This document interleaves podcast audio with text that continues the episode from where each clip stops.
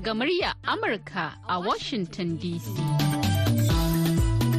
Masu sauraron mu Assalamu alaikum barkanmu da wannan lokaci. Shirin yau da gobe ne kuke saurara daga nan sashen Hausa na murya Amurka a birnin Washington DC.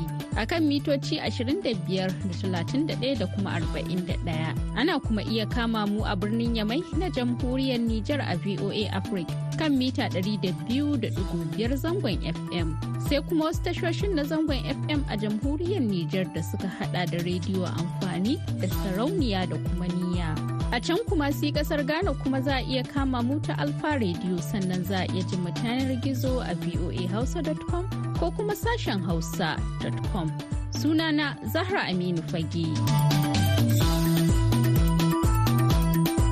A yau talata talatin ga watan janairu na shekarar 2024 Shirin yau da gobe zai zo muku ne daga Ghana tare da wakiliyar Hauwa Abdulkarim Young Pioneer inda a yau shirin namu zai tattauna akan matsalar rashin aikin yi tsakanin matasa. Sannan za mu leƙa ɓangaren nishaɗinmu kai har ma da ɓangaren girke-girkenmu.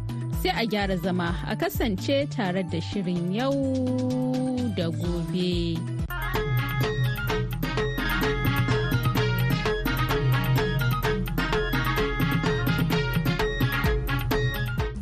Assalamu alaikum jama'a masu sauraron mu barkanmu da kasancewa da ku a cikin wannan shirin na yau da gobe wanda ni hawa Abdulkarim Yankwaniya ne zan gabatar da wannan shirin a nan birnin Accra Ghana. Da mu fara shirin da yanayi da matasa ke ciki a yanzu da kuma halin da wasu mata ke fuskanta a wannan zamanin mu. Ni ne naku Barkisu Sulaiman daga Ansarudin Islamic Basic School ni Fadama. Lamarin da ke damun mata da youth cikin garin ga shine youth mu da yawa dai matasan mu sun kare su amma ba samun aiki a yi. Lamarin rashin aiki yasa ya bari su da yawan su sun feel depressed. Waɗanda ma suka nemi waɗansu ababe suna yin kadan-kadan nan kuma nan ma kuɗin da suke samun cikin ma ba wani abu ba ne ba ma da dai iya e, cater for utility bills ma su samu wani ma e yi sustaining su kamin watan nan kuma e end. Kin ga an fara yake biyu kuɗin ya ƙone. Yasa nan ana gan aka nan ƙananan kuma da ke baya suna gani me yasa dan dami kan nan shiga school? Ba amfani cikin barin bari in shiga shaye-shaye ko in taska mutane. Duka ga kuwa bai kanyan mu. Wanga duka ina fet zangonnin mu. Sunana dai hafsa. To abubuwa dai da yawa ma dai in za ka faɗe su ma ba daɗin jikin ga musamman mata na yanzu suna shiga wani hali don samun kuɗi ko ta wani hanya ne. Kin ga wani lokaci macen sai ta bar makaranta ba wanda zai supporting ɗinta. Dole sai ta yi wani harka daban da za ta samu kuɗi wanda ba shi ne daidai ba. Wani kuma sai ki ga ga ta dai ta gama karatun babu aiki tana da certificate amma ba aiki. Wata ma za ta samu aiki amma wai in ta je sai a ce wata kuma za a tura ta makarantar ta je makarantar amma babu support sai ta je ta yi wani aiki daban na sannan ki ga ta samu mafita. To kin ga irin wannan su ne matsaloli da mata ke fuskanta da yawa a cikin garinmu nan. Kuma wanda da dole mu fito mu nuna ma duniya irin wannan abu da muke fuskanta don mu samu mafita. Sunana masud. Sai mu ce da can ghana na cikin garrukan da suke da um, ƙoƙari da neman ilimi a duniya. Amma yanzu hakan da nake magana ba haka ba ne.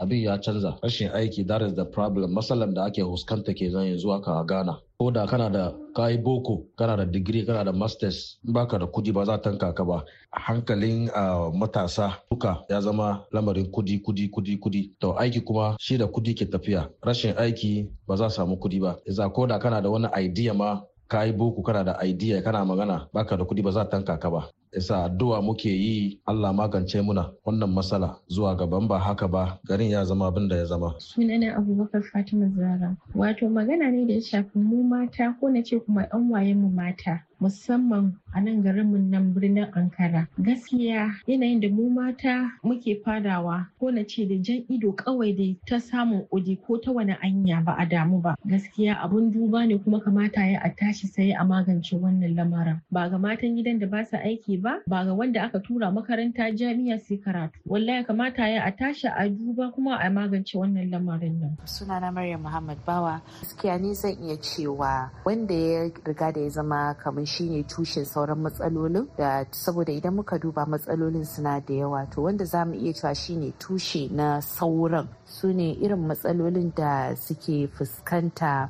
wato su ya'ya matan suke fuskanta tsakaninsu da iyayensu mata tun a gida. Abin da nake nufi da wannan shi? Yawanci wasu iyayen matan idan kika duba ba su iya yaba wa 'ya'yansu mata ba idan suka yi wani abu na burgewa. Sannan kuma me shi tana gani kamar aitin da ya mace ta haifa muddin ta riga da ta kai shekaru goma ko kuma goma sha biyar ya kamata a ce ta san komai da komai ya kamata a ce ta iya komai da komai. To tun daga lokacin zaki ga ta fara tsangwamar ta ta fara yi mata wasu abubuwa ta fara nuna mata kamar ya kamata ki san komai tunda baki san kaza ba baki da nutsuwa baki da kaza. To tun a nan zaki ga yarinya ya mace ta fara shiga wani irin hali. Sannan idan ta zo ta je makaranta gaba ɗaya irin yanayin da ta tashi a gida zaki ga ya fara affecting din rayuwarta. To shine za ga sauran matsalolin kuma sun zo sun fara biyowa baya. To wasu za su fita idan suka fita za su fara tunanin hanyoyin da za su bi saboda su fitar da kansu daga cikin wannan yanayi. Masu sauraro har yanzu dai kuna tare ne da sashen hausa na murya amurka a cikin shirin yau da gobe. Ku shakata da wannan Young.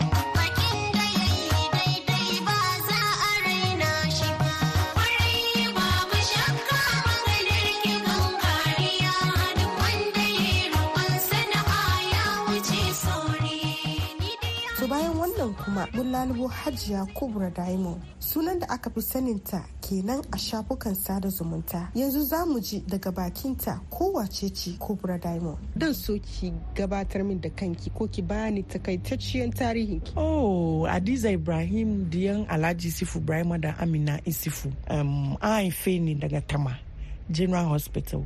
Tama committee 5 don she amma bati na kra eh ghana. An haife ni tama committee 5 railways. Don she baba na na aiki ghana port and harbors authority. Wajen baba na ke aiki dan ke gima kuma mma na. Ta sai da abinci ta sai da gold ta sai da kasa ta sai da loruka. Sai tana visa ma mutane su ta america. Isa mma na kenan na ta school daga good shepherd preparatory school. Na zo aka zo aka cire ni aka kai ni public school because there was an issue. That issue when i talk about it i become very emotional. From waje na secondary school daga central region in sabah presbyterian secondary. From waje na african university college college african university college of communications from waje na zo na ta um, central university na yi masters na african university na degree cikin broadcast journalism. Shi na zo na ta central na marketing. From central na zo na counseling school daga tusi psychology da family therapy from waje na koma na baya ina central university na read law. Ina read law yasa wajen gani kuma da business na entrepreneurship like a side hustle hustle but now it has become also a main business. Dan ke da kayan mata da maza da yara. She na aiki kuma daga electroland ghana limited the biggest uh, consumer conglomerate daga ghana. She eh, isa yanzu kuma na zana book awaiting official public launch. Book sunan shi mata aure ne ko? Eh na yi aure sosai. Na yi aure seven years ke ga. Na da yara uku. Iya sometimes na tashi. Ina tambaya kaina. Ya, ya how let me say it in english. How do i do it? Ya kai kika yi eh but na gan is consciousness and intentionality. In the place in the place of consciousness na use intentionality. Na yi very intentional about abin da nke so yi. Because from the time da na ce ma baba na kamar baba yau da ni dai ban so ka bani kudin ci abinci kuma don ni za ni bidi aiki ya yi ka pampa mu ya daɗe na from that time na gan kamar life na na cikin annuna. And na gode ma Allah kamar ban zonan ce da na sani. Don na duk irin jin daɗi da mahaifinku ya baku bai hana ki neman ya ba mu jin daɗi fa baba na Alhaji Ibrahim. Baka zuwa gidan mu ka zo ka gan kamar wani gida a ce mansion wani gida mai kyau ko wani amma baban mu ya duba mu. Baba na ya duba ne yana biyan school fees na tukwa ba da hanya. Inda na te school duka an shaida. Bai yadda ma mu shiga public transport an zo a doke mu ko shi da kanshi ya fita ya zo ya doke mu ya kai mu gida. Me sa kika kika ce ya dakata yanzu ya ba ki kura mu cike da kanki zaki. Ah ni mace ne kuma na gan kandamma na she was hard she was working.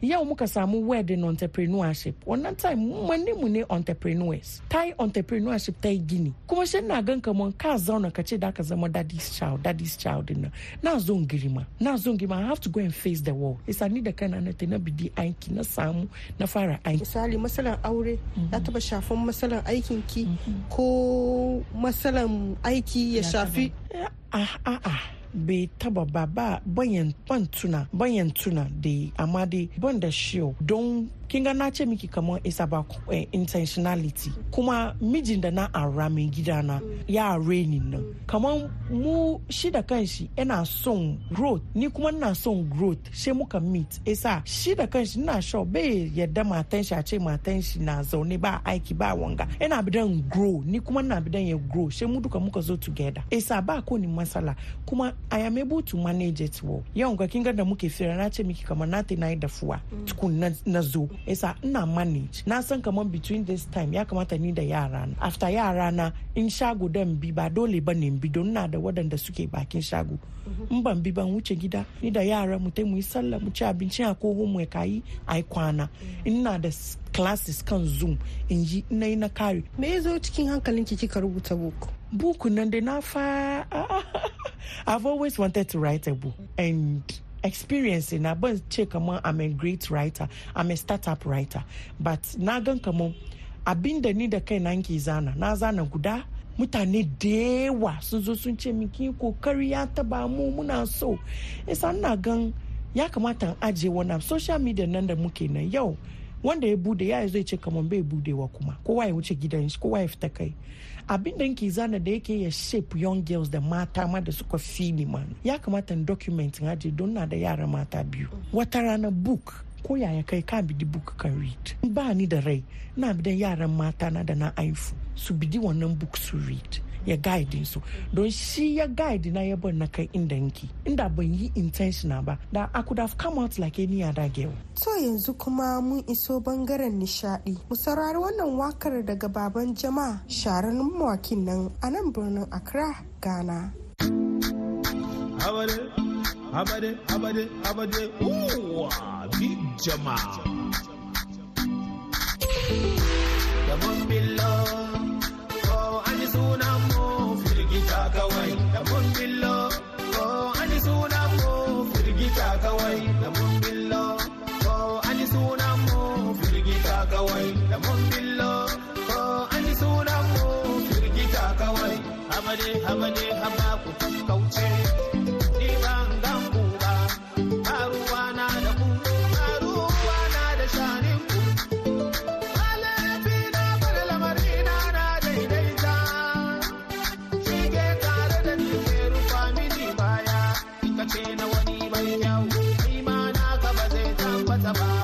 ce na wani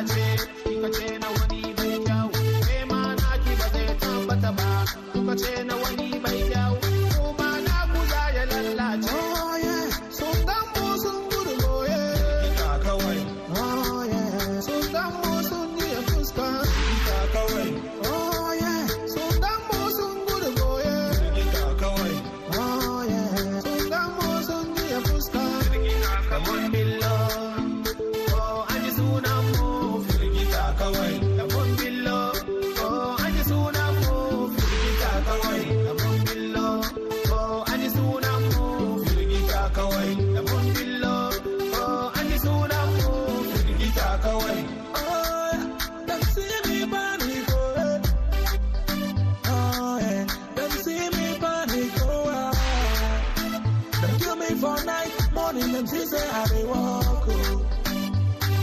Ashe gudan gida ke cizo na.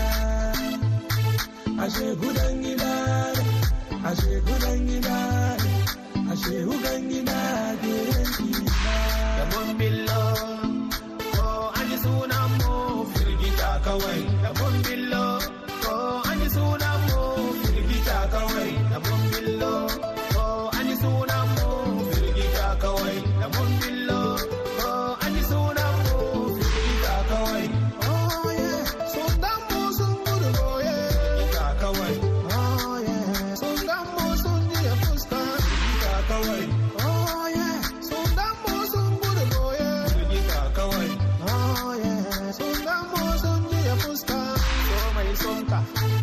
baka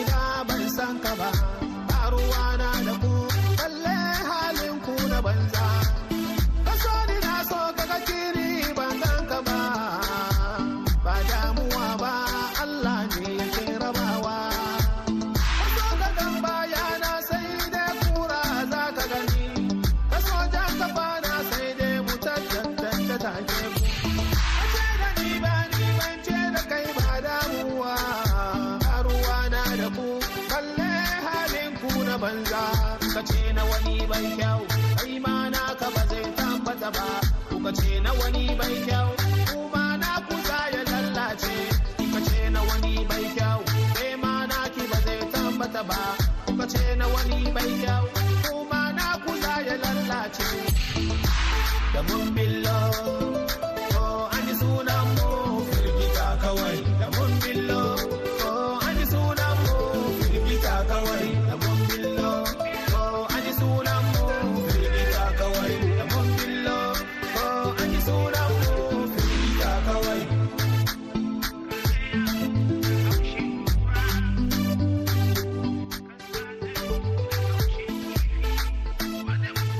jama'a masu sauraro da fatan dai kuna jin daɗin shirin kuma kuna amfana. Yanzu kuma za mu leƙa zauren girke-girken mu.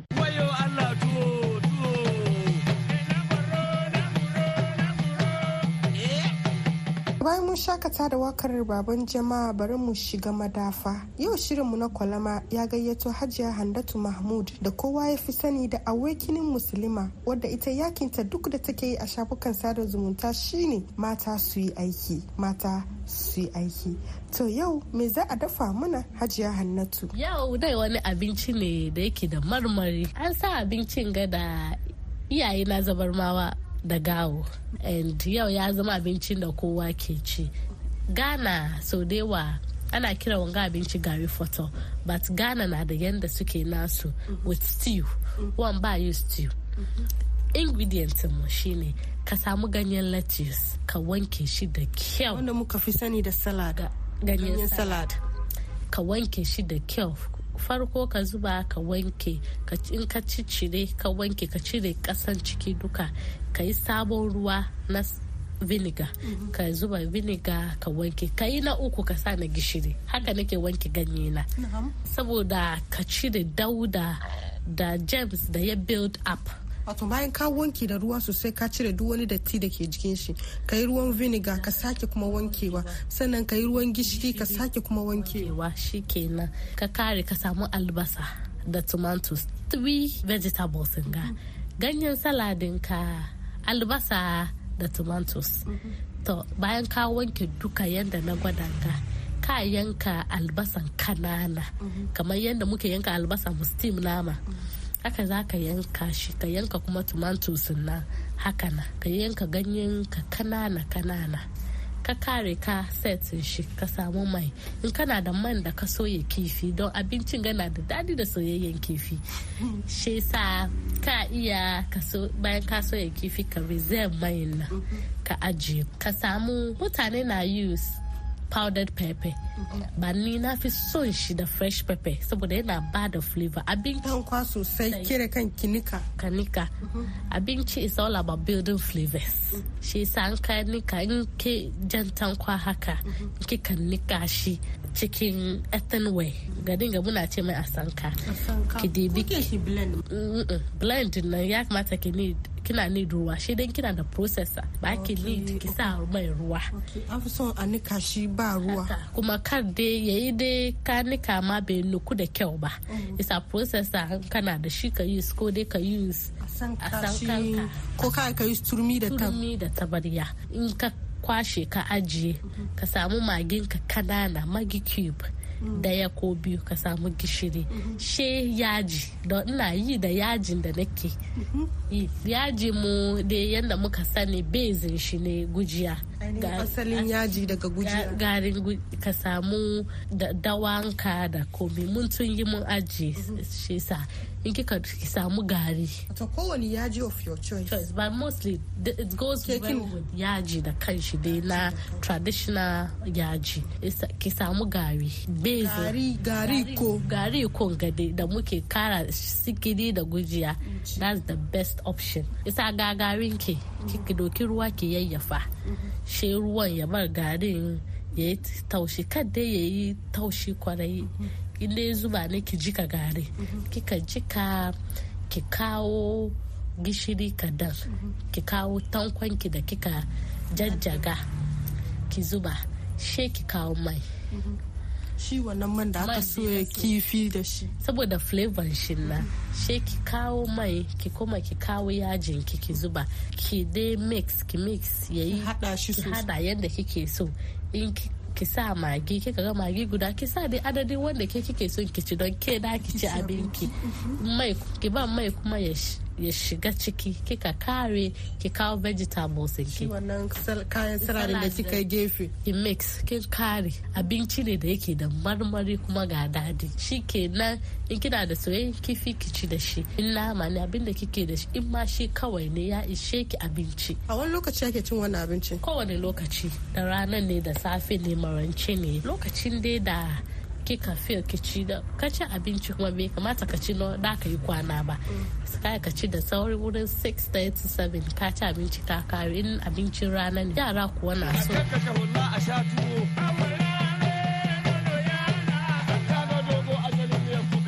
Wai shin duk abin da kake yi yana da tasiri a rayuwar al'umma kuwa? Shin al'umma na yin tasiri a rayuwarka? To mun gayyato ɗan jarida kuma ɗan siyasa. Kuma mai yaki da shan miyagun ƙwayoyi. Malam abubakar alhassan mai lakabi mr dan. To da wa nake magana?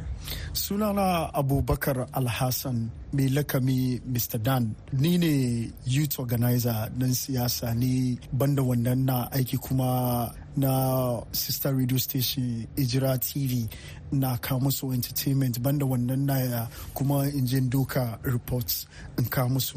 Banda wannan na cikin sana'a na events uh, aka kuma na mc master of ceremony na mc programs daban-daban. Aurayya ne buki daban-daban na graduation sannan corporate program. Na ce na corporate program bi ma'ana kamar manya-manyan company. Idan da su wani arka ana neman wanda iya magana ana kira ne in je wannan aiki. Banda wannan na riƙe da diploma cikin communication. Bi ma'ana communication studies kamar yadda ke sani ya zo kan batun journalism ne how to talk da sauransu. Na da diploma kan wannan amma wani tasiri wannan al'amarin ya yi a rayuwanka? Eh, impact nan da shan shi alhamdulillah. Domin ya ya bar na yi muhammala sosai da manya. Manyan da ban taba mafalki na yin samu saduwa da su cikin rayuwa na ba. Banda wannan ya ya buɗe mini kofofi daban-daban na ya na aiki a ofisin shugaban kasan ghana. Kuma dun abubuwan ga duka na cikin lamarin da ya bar na ya na samu na kai wurin da na kai nan. Aikinka wani tasiri ya yi a rayuwar al'umma? Na farko ka yi magana mai kyau ma wani idan yana cikin wani yanayi. Idan kai mai wannan magana ya samu kwanciyar hankali ma babban lada ne. Cikin arkokin da nake na zama kaman wani tutor a cikin zangonninmu. Domin da dama akwai associations da muka yi arka da su kaman voices of uh, nima kaman stay away from drugs da sauransu batun kayan maye. Idan ka zama kaman uh, alkibilan da matasa ke duba idan ya kai kan ana neman a saya mamishi da yana cikin wani matsala kaman na yar sadda da sauransu. Idan ana yaki da ka je ka saya ka build ko ka yi wani abubuwa haka. Kaya kuma ka doki wannan matsayi ka zama kana a gaya ma mutane abubuwan da zai bar su fita cikin yanayin da suke. Banda wannan muna da young musicians da muka tashi da su. Wasu kuma na nan mu yi girma da su. Wasu kuma na nan gaban mu suka fara. Mu mun samu mun ba su chance daban-daban daban-daban wasu na nan mu da kanmu muna mu biya kuɗin studio su je su record. Bayan an record an kare a nin da nake aiki a cikin gidan tv station ina ya samu directors da saura a yi aiki da su kuma mu buga free of charge har yau mai shi samu wani sana'a kadan-kadan da yake yi. Yasa um, matsayin da nake da shi ba wai matsayi kawai ba ne matsayi ne da na na taimaka ma youth sosai rayuwa al'umma balle matasa. Har yau har gobe kuka na kukan matasa ne. Domin da dama wasu na nan ba ba yin su ba ne sun fito gidan da babu. Sun fito kuma da dama suna neman taimako ba su samu. Ya same shi na ya doki abin ya zama mai tunani. Cikin tunanin ya samu wani da zai introduce shi da lamarin ƙwaya ka ga me shi ya shiga cikin amma idan ka ka sai ka bashi wani aikin da yake yi ya samu kuɗin pinkaso kuɗin koko kuɗin kuɗin masa ban make sure kamar mashin ya je ya kuma zama yana cikin wannan matsala na maye. Da dama mu mun samu ma matasa aiki. Ni alakan da nake na siyasa dole um, kamar youth organizer wani lamarin aiki na matasa ina zo fanni na idan ya zo haka ina duban ne mutanen da suka kasance kamar suna neman wannan taimako in ba su muna kara da roƙon allah allah ya bar um, gidan kowa idan mu yi magana a yaji. Ina tuna ko wani kamar shekara uku kenan a kan stage na wasan sallah na VIP. Uh, wani artist matashi ne da ya zo yana wani wakan da yake promote shanin maye gaskiya na bar dj da ke buga wannan program. Ya saya. Ina middle of performance. Na bar ya je off stage. Na gaya ma nima kamar nima muna da sarakai muna da yan ilimi. A ta wani shugaban kasa mai suna jj Rollins one of our former president ya fara maka ƙunshi a nima isa na ya na yi magana ne magana. Wallahi da muka kare watan da ke aiki a wani kamfanin na waya kira ni ta bani wani babban kuɗi. Wai ta ji daɗi abin da na yin nan. Domin ita da kanta na duba ta shi na ta ma krista ne ashe ita da kanta ne. Musulma ce. Banda wannan muna zuwa makarantayya daban-daban na islamiyya. Banda wannan muna zuwa schools da dama muna gaya ma mutane lamarin ƙwaya. Personally ni da kaina na na koyo three months wani course about stress anxiety da kuma drug abuse. Na na koyo saboda kamin ka ce ma wani ya bar abin da yake yi kai da kanka ka san me yake ma jikin mutum. Idan mai shi na dukan tajiranmu ai ƙoƙari ba masallatai ya kawai za mu yi mu gina ba. Akwai gidaje na rehabilitation center da za mu iya mu gina mu samu counselors da kuma imamai da dama da da ya bar ana magance muna wannan matsala.